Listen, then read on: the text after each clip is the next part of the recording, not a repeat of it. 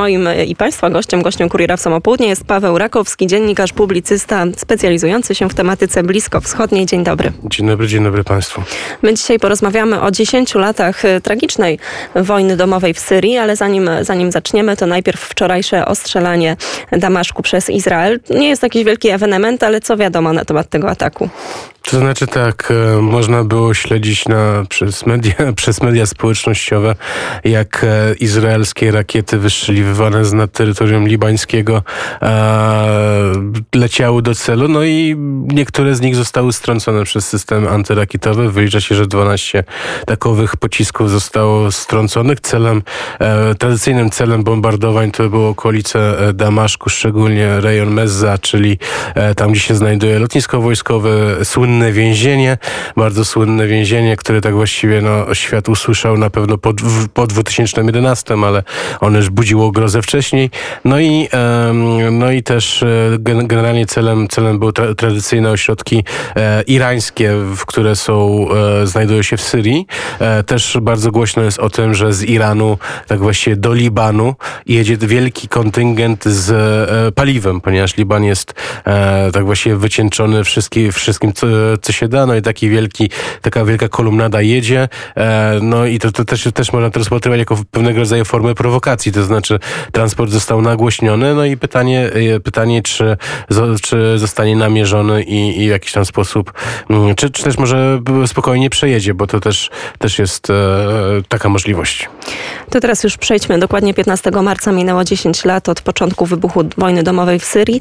Mm, no, o tych tragicznych, tragicznej w skutkach wojnie można by mówić bardzo dużo. My mamy mało czasu. Może zacznijmy, przypomnijmy w ogóle, od czego to się zaczęło, od przyczyn. To znaczy tak, no przyczyny wojny syryjskiej są bardzo, ale to bardzo rozległe. E, rozpoczynając od tego, że tak właściwie Bashir al-Assad, który, który odziedziczył władzę po swoim ojcu Hafezie w 2000 roku, e, był młodym, energicznym politykiem, który tak właśnie nie był namaszczony do przejęcia władzy. Jego, tym namaszczonym to był jego brat Basil, który zginął w wypadku samochodowym. Bashir był okulistą, który miał praktykę lekarską w Londynie. Tam też się ożenił z mm, elegancką kobietą, Asmą. E, teraz, teraz notabene Wielka Brytania chce ode, ode, odebrać Madame Asmie obywatelstwo, tak? Niemniej, e, niemniej Bashir al-Assad tak właściwie wszedł w tą politykę syryjską w 2000 roku z taką, e, taką promikiem nadziei. To znaczy był młodym 33-letnim bodajże następcą tronu, tak? I on tak właściwie rozpoczął proces liberalizacji. Liber, liberalizacji Syrii, kraju, który był skostniały. To znaczy, jeżeli cały świat już szedł w technologię, Syria dalej była e, tak właściwie no, na ciągnikach parowych, nazwijmy to w ten sposób. E, Syria tak właściwie miała głęboki kryzys związany z, e, z niskim poziomem edukacji, z żadnej rozwoju technologii. Tak właściwie spo, główny sponsor syryjski, e, Rosja, e, tak właściwie no, w latach 90. E, stała się pewnego rodzaju no, był czas smuty jelcynowskiej, tak? Czyli, czyli Syria nie miała żadnego wsparcia międzynarodowego. No i e, e, Assad tak właściwie rozpoczął proces, który tak właściwie szybko spotkał się z blokadą jego e, otoczenia. To znaczy, bo jak Assad przejął władzę po ojcu, który umarł, tak e, on też przejął aparat to skostniały aparat, który tak właściwie sobie nie życzył żadnych zmian. I, i tak właściwie, jeżeli, jeżeli, popatrzymy na przyczyny wojny syryjskiej, to też musimy wziąć pod uwagę te, ten konflikt pomiędzy Assadem i całym aparatem partii Baath, a jak i też generalnie jego całej rodziny, ponieważ e, system syryjski polega na tym, że e, Alawici, co prawda, oni są tą kastą no, uprzywilejowaną w pewien sposób, ale, ale też trzeba rządzić razem z sunnitami, razem z chrześcijanami.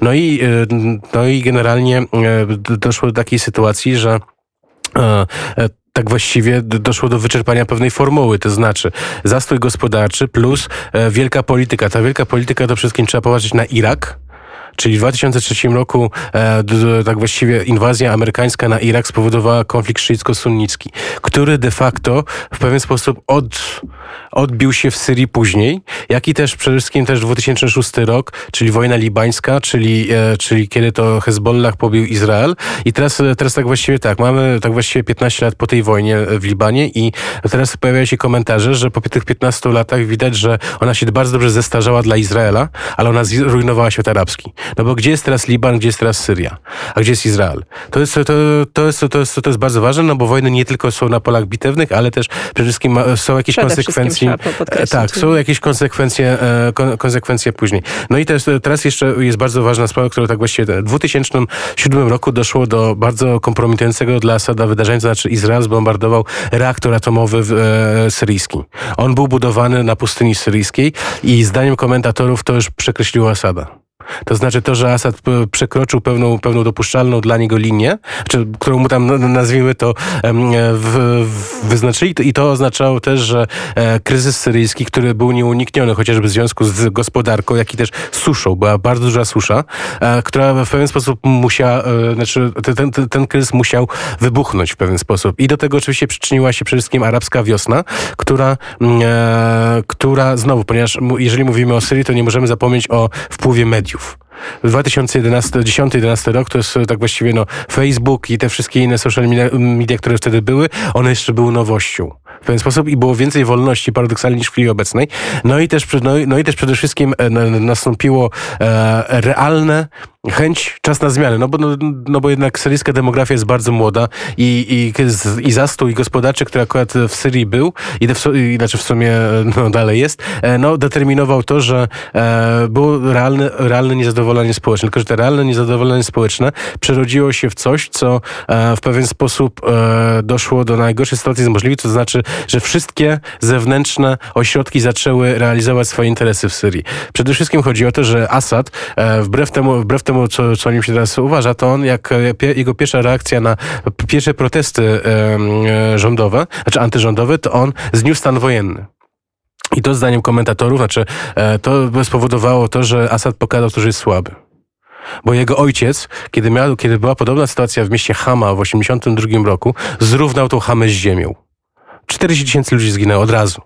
Dobrze, powiedzieliśmy, te, te wszystkie e, czynniki spowodowały bardzo krwawe i tak naprawdę trwające już ponad e, 10 lat e, zamieszki, wojnę domową w Syrii. Teraz powiedzmy odrobinę na temat tego, gdzie Syria jest dzisiaj, jakie są skutki wybuchu tej wojny 10 lat temu. To znaczy, Syria w chwili obecnej jest w potężnym impasie politycznym, ponieważ Assad, pomimo, pomimo wielu różnych chęci, no bo mówimy o, 10, o, tej, o, tej dekadzie, która tak właściwie e, były różne koncepcje. To znaczy, pierwsza koncepcja była taka, żeby tego Asada usunąć.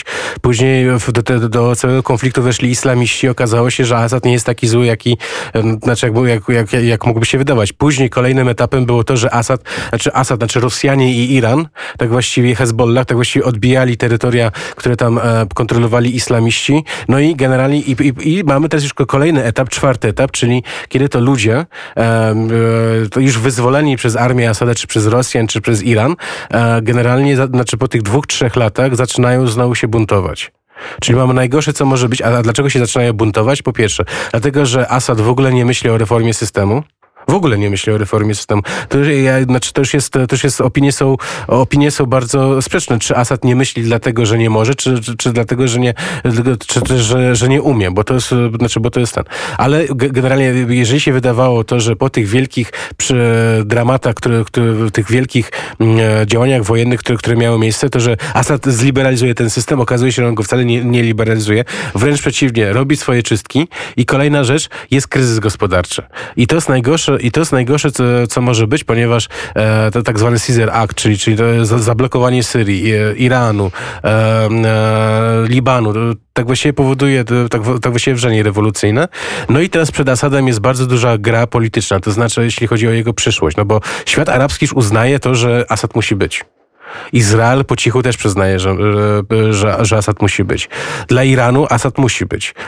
Rosja na przykład już ma, już, ma- już generalnie wie, że ten Asad już nie musi być, tak? Teraz akurat wszyscy obserwują, jak Rosja przygotuje wybory, no bo to Rosja będzie przygotowywała wy, wy, wybory prezydenckie w, w Syrii, no...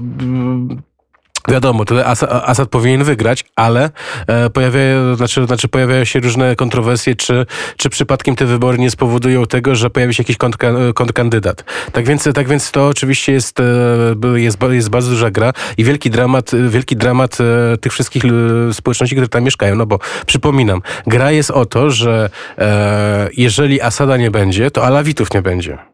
No bo salafici, czyli ruch e, skrajnie, skrajnie e, islamski, sunnicki, generalnie już to już dawno zapowiedział, że, e, że on chce oczyścić Syrię z chrześcijan, z, z szyitów i tak dalej.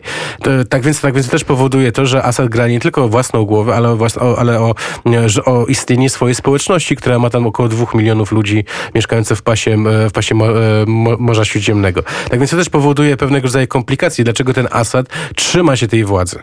Ponieważ, ponieważ on by tą władzę mógł w pewien sposób transferować, chociażby na którego z braci, chociażby na, na, na którego z kuzynów, ale generalnie chodzi o to, że um, a teraz to, to jeszcze jest bardzo ważna rzecz, która, o, o, o, której muszę powiedzieć. Syria była krajem socjalistycznym i teraz tak właściwie wojna syryjska pokazała, jak te wpływy socjalizmu, czy też generalnie no, produktu nowoczesności, nowożytności były powierzchowne. Ponieważ, ponieważ jak się okazało, po tych dekadach te, te, te, pewnego rodzaju polityki e, świeckiej, państwa, państwa, państwa świeckiego, ten islam ma się bardzo dobrze. Ma się bardzo dobrze i on naprawdę pokazuje kły. No i chciałoby się dodać jeszcze, że zupełnie inaczej niż na przykład chrześcijaństwo dzisiaj w krajach zachodnich, ale to już zostawmy.